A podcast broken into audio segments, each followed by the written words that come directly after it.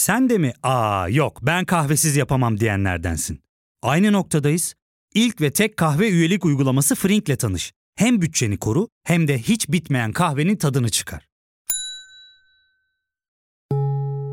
Yakınlarından terapinin onlara ne kadar iyi geldiğini dinlesen de kendin için bir şeylere başlamak zor geliyor olabilir. Ya da sevdiklerine yardım etmeye istekliyken kendi ihtiyaçlarını görebilmek. Hayvel, uzman psikologlarıyla kendi ihtiyaçlarını bulmanda sana destek olacak. Terapi yolculuğuna başlamak için detaylı bilgi bölümün açıklamalarında. İktidar belli ki 9 Eylül'de Tunçer'in yaptığı konuşmayla polemiği çok sevdi ve polemik bir hafta sürdürüldü. Hiç görmemiş olanınız var mı? Belki vardır diye kısa bir özet geçeyim. Tunçer'in İzmir'in Kurtuluş Günü 9 Eylül'de yaptığı konuşma ecdada hakaret kabiliğinden değerlendirildi. Konuşmanın tepki çeken kısmını beraber dinleyelim. Değerli İzmirliler, 100 yıl önceydi. Bu toprakları yönetenler gaflet, delalet ve hatta hıyanet içindeydi. Gençleri, kadınları, çocukları geleceği hiç düşünmediler. Sadece ve sadece saraylarındaki saltanatı korumak için bütün bir milleti ateşe attılar. Bu konuşmanın ardından Tunçer'e dönük tuhaf bir linç başladı. Osmanlı'ya hakaret edilemez ön kabulüyle hareket edip Soyer Osmanlı'ya hakaret etti manipülasyonuyla devam eden tartışmalar Vahdettin hain mi değil mi diye münakaşalarla sona erdi. Bu abuk tartışma sona ermiş görünüyor. Biz de kraliçenin ölümü üzerinden bir bölüm hazırlayalım diye düşünürken meselenin monarşi parantezine alınabildiğini fark ettik. Bu tartışmayı iki bölüm olarak sunacağız sizlere. İlk bölümde bizde monarşi neden böyle diye soracağız. İkinci bölümde ise onlarda monarşi neden öyle sorusuna anayasa hukukçusu Murat Sevinç'le cevap arayacağız. Fakat o bir sonraki bölümde. Bugünün konusu ise bizdeki monarşi. O halde ben Ozan Gündoğdu. Hazırsanız başlayalım.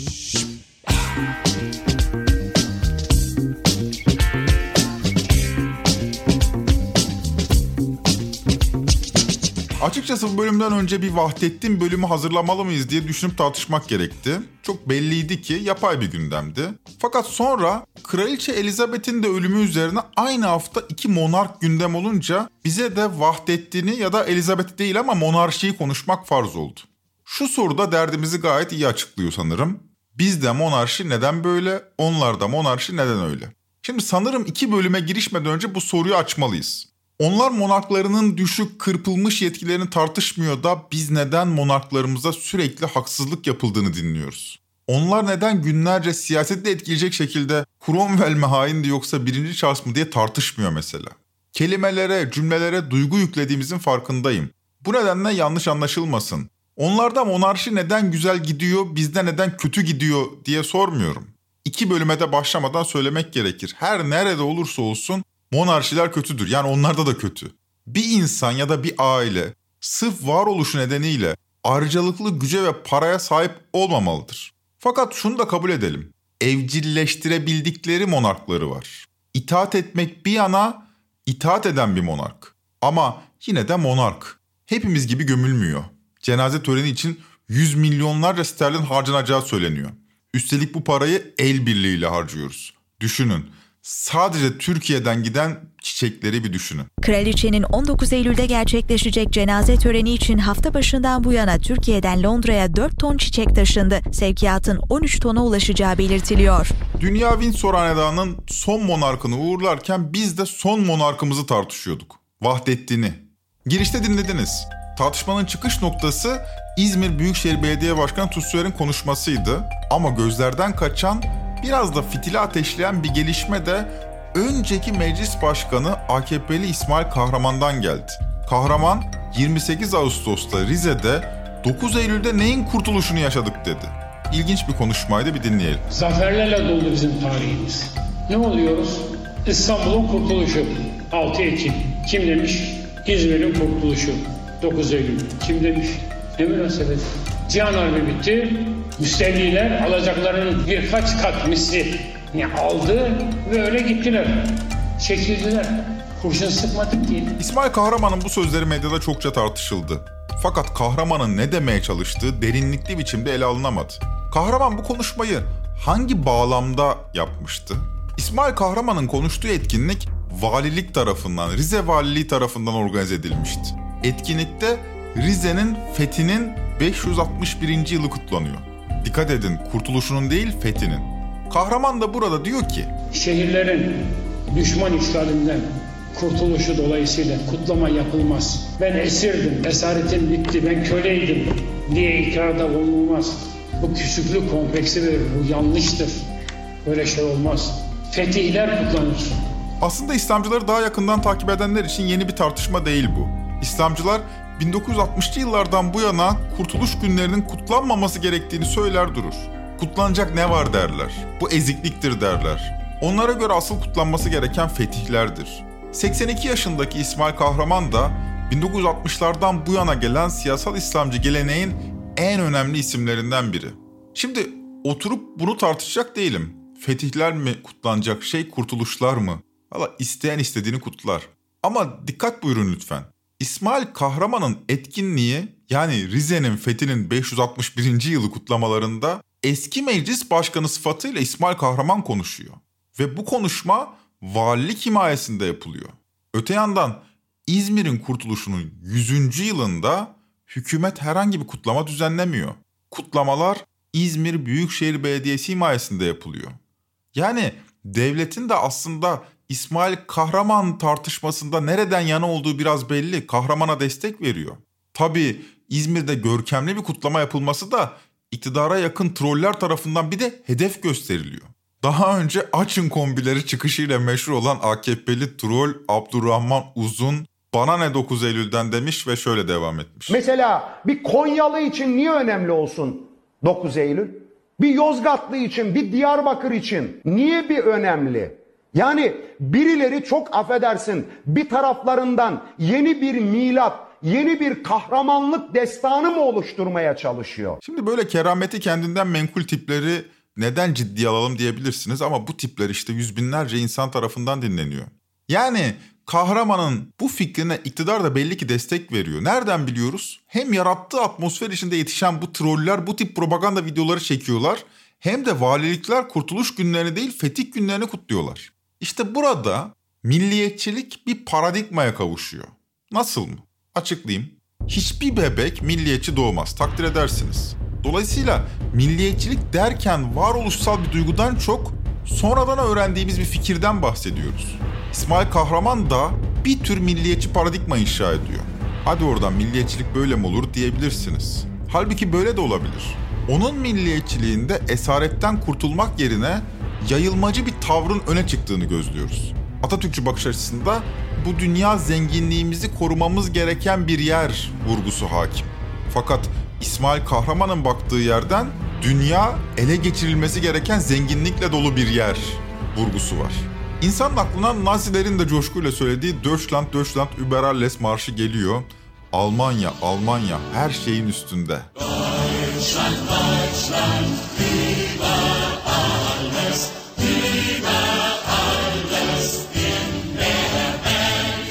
Her ikisi de milliyetçilik. Ama gördüğünüz gibi aynı değil. Birinde elde olanı koruma, diğerinde ele geçirme vurgusu hakim. Birinde barış için savaşılıyor, diğerinde fetih için. Birinde ulusun diğer uluslarla eşitlik iddiası var, diğerinde ulusun üstünlük iddiası. Her ikisi de iktidar olduğunda türlü tarihsel acılar yaşanıyor. Fakat fetih için savaşmayı kutlayan bir milliyetçilik faşizme çok daha hızlı dönüşebiliyor. Alman milliyetçiliğinde ya da genel olarak emperyalist ulusların milliyetçiliğinde olduğu gibi. Bu tip bir farklılaşma din-devlet ilişkilerine ve monarklara bakış açılarının da ayrışmasına neden oluyor. Çünkü farklı bir tarih okumasıyla tarihin tüm monarklarına bir kutsiyet atfedilebiliyor. Bu duruma siyasetçiler post-emperyal sendrom adını veriyorlar. Geçmişte imparatorluk bakiyesi olan ulusların başına gelebilecek bir hastalık gibi düşünülebilir. Türkiye post-emperyal bir devlet yani bir imparatorluğun üzerine bina edilmiş bir devlet. Bu devletler post-emperyal devlet egosu olarak adlandırabileceğimiz kendini daha ziyade dış politika alanında açık eden bir ego ve duyguya sahipler. Bu egoya devletin ve ulusun kimlik imzası için yer yer atıf yapılabilir. Fakat bu ego lüzumundan fazla şiştiğinde bireysel hakların tasfiyesi de gündeme gelebiliyor. Faşizm buradan hortluyor. Burada bölüme kısa bir ara verelim. Döndüğümüzde kaldığımız yerden devam edeceğiz. Ya fark ettin mi? Biz en çok kahveye para harcıyoruz. Yok abi, bundan sonra günde bir. Aa, sen Frink kullanmıyor musun? Nasıl yani? Yani kahvenden kısmına gerek yok. Frink'e üye olursan aylık sadece 1200 TL'ye istediğin çeşit kahveyi istediğin kadar içebilirsin. Günlük 40 TL'ye sınırsız kahve mi yani? Çok iyiymiş. Aynen. Hatta şu anda 200 TL'lik bir indirim kodu da var. E hadi hemen indirip üye ol da bu fırsatı kaçırma. Terapiye başlamak, içinden çıkamadığın döngüleri kırmak, bazı yanlış bulduğun kararlarını değiştirmek ve kendinle beraber daha huzurlu bir yaşam inşa etmek için atabileceğin en değerli adımlardan biri. Hayvel ile yoğun yaşam tempona uyum sağlayarak online terapi seanslarını takvimine göre ayarlayabilirsin. Bini aşkın uzmandan sana en uygun terapisti seçebilir, podb10 koduyla indirimden yararlanabilirsin. Detaylı bilgi açıklamalardaki bağlantıda.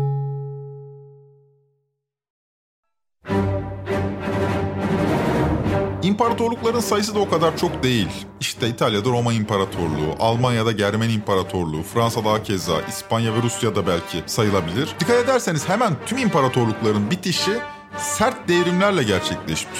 Karşı devrimci süreçlerde faşizm yükselmiş. Almanya'da Hitler, İtalya'da Mussolini, İspanya'da Franco bu imparatorluk bakiyesini arkasına alarak güçlerini tahkim etmiş. Bu hikaye 20. yüzyılda da kalmamış. 21. yüzyıla da taşınmış.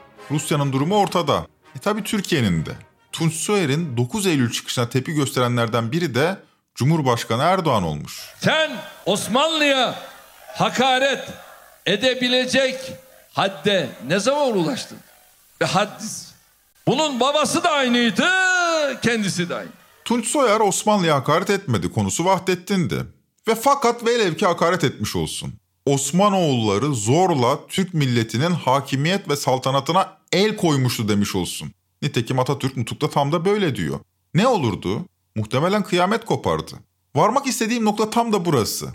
Kimse Vahdettin meselesini ele alırken halk egemenliğinden bahsetmiyor. Çok şükür kurtulduk saltanattan denemiyor. Bir aileye bakmak zorunda kalmadık on yıllardır denemiyor. Varsa yoksa hain miydi değil miydi? Osmanlı'daki monarşi yönetme hakkını, egemenliğini nereden alıyordu? Bunu kimse sormuyor. Cumhuriyet halktan alıyor. Halkın iktidarına dayanıyor ve tam da bu noktada dünyevileşiyor. Halkın yönetme iddiasına saygı duyuyor. Klasik anlamda monarşilerde padişah veya kralın yönetme hakkını Tanrı'dan aldığını inanılır. Bu Avrupa'daki monarşilerde de böyleydi, Osmanlı'da böyleydi.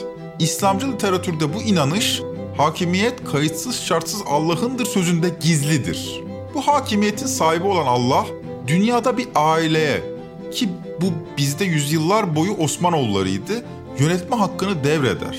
Padişah hele ki aynı zamanda halife olan padişah Allah'ın yeryüzündeki gölgesidir. Zaten sizden olan ulul emre itaat edin ayeti üzerinden politikleştirilen mesajla padişahın sözünden çıkılmaması da uhrevi bir emir haline getirilir. Oysa Cumhuriyet'in ilanıyla birlikte bu kutsal hakimiyet anlayışı devrilmiş, egemenlik de padişah ve sülalesinin tek elinden kurtarılmıştı. Sahi gerçekten de Allah mı veriyordu Osmanoğullarına egemenliği? Buna inananlar bugün de elbette vardır. Ancak bu anlayışın Cumhuriyetin egemenlik kayıtsız şartsız milletindir felsefesiyle daha en temelden zıt olduğunu sanıyorum kabul edersiniz. Türkiye Cumhuriyeti'ndeki hakimiyet milletindir ve millet 4 yılda bir yaptığı seçimlerle bu hakimiyeti birilerinin elinden alır, birilerinin eline devreder. Peki bugünkü aklımız olsaydı Osmanoğullarının saltanatından kurtulabilir miydik? Cumhuriyeti kurabilir miydik? Kimse kimseye şan olsun diye rica minnet üzerine iktidarını devretmiyor. Tüm insanlık tarihi bize bir şey gösteriyor. Egemenlik zorla alınıyor ve yine zorla korunuyor. Türkiye'de de saltanatın kaldırılması padişahın rızasıyla falan olmadı. Saltanat zorla kaldırıldı ve çok şükür iyi ki de kaldırıldı. 1 Kasım 2022'de yani yaklaşık bir buçuk ay sonra saltanatın kaldırılmasının 100. yılını kutlayacağız. Kutlayacağız diyorum çünkü bu kutlanmayı hak eden bir şey. Elbette bu siyasi iklimde hiçbir siyasi parti bunu kutlamaya tenezzül etmeyecektir ama biz burada trend topikten söyleyelim. İyi ki de kaldırılmış saltanat. Peki nasıl kalkmış? Kolay mı olmuş? Bizde diğer tarihsel deneyimlere nazaran kansız bir geçiş yaşanmış. 1917'deki Ekim devriminde Rus hanedanı çocuklarıyla beraber öldürüldü. Keza 1789 Fransız devriminde tüm Fransa hanedanı giyotine gönderildi. Bugün monarşilerin hala yaşadığı İngiltere gibi yerlerde halk meclisleri kendi monarklarına zorla sert sözleşmeler dayattılar ve monarklarını evcilleştirdiler. Çünkü monarşi tehlikelidir. Peki Türkiye'de nasıl oldu? Bundan tam 100 yıl önce Türkiye Lozan'a hazırlanmaktayken Lozan Komitesi hem padişaha hem de Ankara'daki meclis hükümetine davetiye gönderince saltanatın kaldırılması gündeme geliyor. Saltanatın meclis tarafından tanınmadığına ilişkin kanun teklifi meclise gelince bir grup vekil bu şeriata uygun değildir, padişah aynı zamanda halifedir diyerek konuyu şeriye komisyonuna götürüyorlar. Tartışmalar uzuyor da uzuyor. Tartışmalar uzadıkça süreç akamete uğruyor. Komisyonun tartışarak bir yere varamadığı anlaşılınca Mustafa Kemal komisyon toplantısını basıyor, elini masaya vuruyor, komisyon üyelerini susturuyor ve şu konuşmayı yapıyor. Efendiler, içinde bulunduğumuz şartlara rağmen safsatayla, mugaletayla, nazariyatla vakit geçirdiğimizi görüyorum. Hakimiyet ve saltanat hiç kimseye ilim icabıdır diye müzakereyle, münakaşayla verilmez. Hakimiyet ve saltanat kuvvetle, kudretle, zorla alınır. Türk milleti de hakimiyet ve saltanatı isyan ederek bir fiil kendi eline almıştır. Bu olmuş bitmiş bir durumdur. Artık söz konusu olan millete hakimiyetini, saltanatı bırakacak mıyız, bırakmayacak mıyız meselesi değildir. Mesele bu zaten olmuş bitmiş durumu ifade etmekten ibarettir. Bu herhalde ve mutlaka olacaktır. Burada toplananlar, meclis ve herkes meseleyi böyle görürlerse fikrimce uygun olur. Aksi takdirde yine hakikat ifade olmayacaktır. Fakat ihtimal bazı kafalar kesilecektir. 1 Kasım 1922'de saltanat böylece kaldırılıyor. Osmanoğulları bu olaydan sonra Türkiye'den sürüldü. Aksi de mümkün değildi. Padişahın Türkiye'de yaşadığı bir düzende cumhuriyet yaşayabilir miydi? Karşı devrimci güçler bugün bile Vahdettin'e toz kondurmazken bu memlekette cumhuriyeti yaşatabilir miydik? Dolayısıyla hain miydi değil miydi bunları geçelim. Tarihçiler arzu ettikleri objektif kriterlerle hüküm versinler. Nitekim hepsi Vahdettin'in Kurtuluş Savaşı boyunca en azından aciz içinde olduğu konusunda enfikir. Ama günümüzün konusu bu değil. Çok şükür kurtulduk saltanattan diyebilmemiz gerekir. Bizde faşizmin yükseldiği damar cumhuriyet karşıtlığına teşnedir. 1919-23 sürecinin önemi yitip giderse bu topraklardaki halk egemenliği fikri de silikleşir. Bu haliyle siyasal İslam faşizmin bu topraklara özgü yorumu olarak doğdu ve bugünlere geldi. Bunu vurgulamak gerekir. İslamcılık sağcı ya da solcu değildi diye yorumlar bugün suya düştü. Bugünden bakıldığında apaçık görülüyor ki Türkiye'deki İslamcılık milliyetçiliği de farklı biçimde yorumlayarak aşırı sağcı bir ideoloji olarak doğdu. Buna karşı Cumhuriyet de halkın çocuğuydu. Onu eleştirebilmek, eksiğini gediğini tespit etmek de bize düşer. Cumhuriyeti eleştirmek halk egemenliğini eleştirmeye dönüşmemeli ama. Sınırımız burası olmalı. Halk egemenliği olsa da olur olmasa olur demeye başladığımız an çok tehlikeli bir girdaba sürüklenebiliriz. Sanırım bugünlerde sürüklendiğimiz yerin farkındasınızdır. Bu noktada Cumhuriyeti halk egemenliği bağlamıyla ele aldığımızda sonuna kadar sahiplenmek gerekir. Tarihsel deneyim ise elbette eleştirilebilir. Yanlışlar ortaya konabilir. Fakat sürecin sonunda asla faşizme kapı aralanmamalıdır. Bu noktada lafı bir söz üstadına bırakalım. Yani Can Yücel'e. Can Yücel'in dediği gibi sünnet değil farzdır cumhuriyet. Finali de Haldun Ergenç'in sesinden Can Yücel'in bu şiiriyle yapalım. Gölköy adında bir yer varmış Gelibolu'da. Televizyonda gösterdiler geçen gün. Gelenek edilmiş köy halkı. Ben kendimi bildim bileli bu böyledir diyor muhtar. 29 Ekim'de toptan sünnet ederlermiş çocuklarını. Derken ekranda entarili bir çocuk belirdi. Kirvesi tutmuş kolundan. Yatırdılar bir kamp yatağına. Ardından sünnetçi olacak zat boy gösterdi. Elinde bıçağıyla. Çocuk kaldırdı başını bağırdı. Yaşasın Cumhuriyet diye. Bunun üzerine de ekran karardı. Korkarım bu sade göl köylülerin değil, umumumuzun, sade küçüklerimizin değil, büyüklerimizin de düştüğü bir tarihsel yanılgı. Çünkü sünnet değil, farzdır cumhuriyet. Sünnet değil, farzdır cumhuriyet. Yaşasın cumhuriyet. Bir sonraki bölümde anayasa hukuku ve tarih alanında bana da yapmış olan Murat Sevinç'le İngiltere'de monarşinin nasıl hala var olabildiğini konuşacağız. Bu bölümde konuştuğumuz veya konuşamadığımız bazı konuları da kendisine sorma şansımız olacak. Örneğin İslamcıların savunduğu gibi saltanatın kaldırılmadığı hibrit bir Türk devrimi mümkün müydü? Bu sorulardan biri olacak diyelim ve finale girelim. Trend Topi'yi Podbi Medya ile beraber hazırlıyoruz. Bir sonraki bölüme kadar halk egemenliğinin değerini bildiğiniz günler dilerim. Hoşçakalın. Bu vatan bir sensiz olmaz.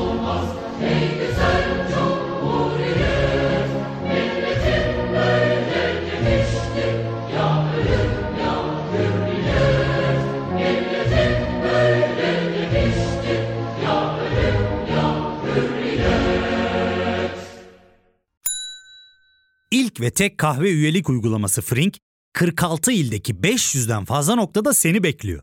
Açıklamadaki kodu girerek sana özel 200 TL'lik indirimden faydalanmayı unutma. Hadi sen de Frink üyeliğini başlat, kahven hiç bitmesin. Hem bugününe hem yarınına katacaklarıyla terapi yolculuğuna ve daha iyi hissetmeye bugün Hayvel ile başla. Açıklamadaki linkten Hayvel'i indir, ücretsiz tanışma görüşmelerinin ardından bütçene uygun seans paketini seç ve terapi yolculuğuna başla.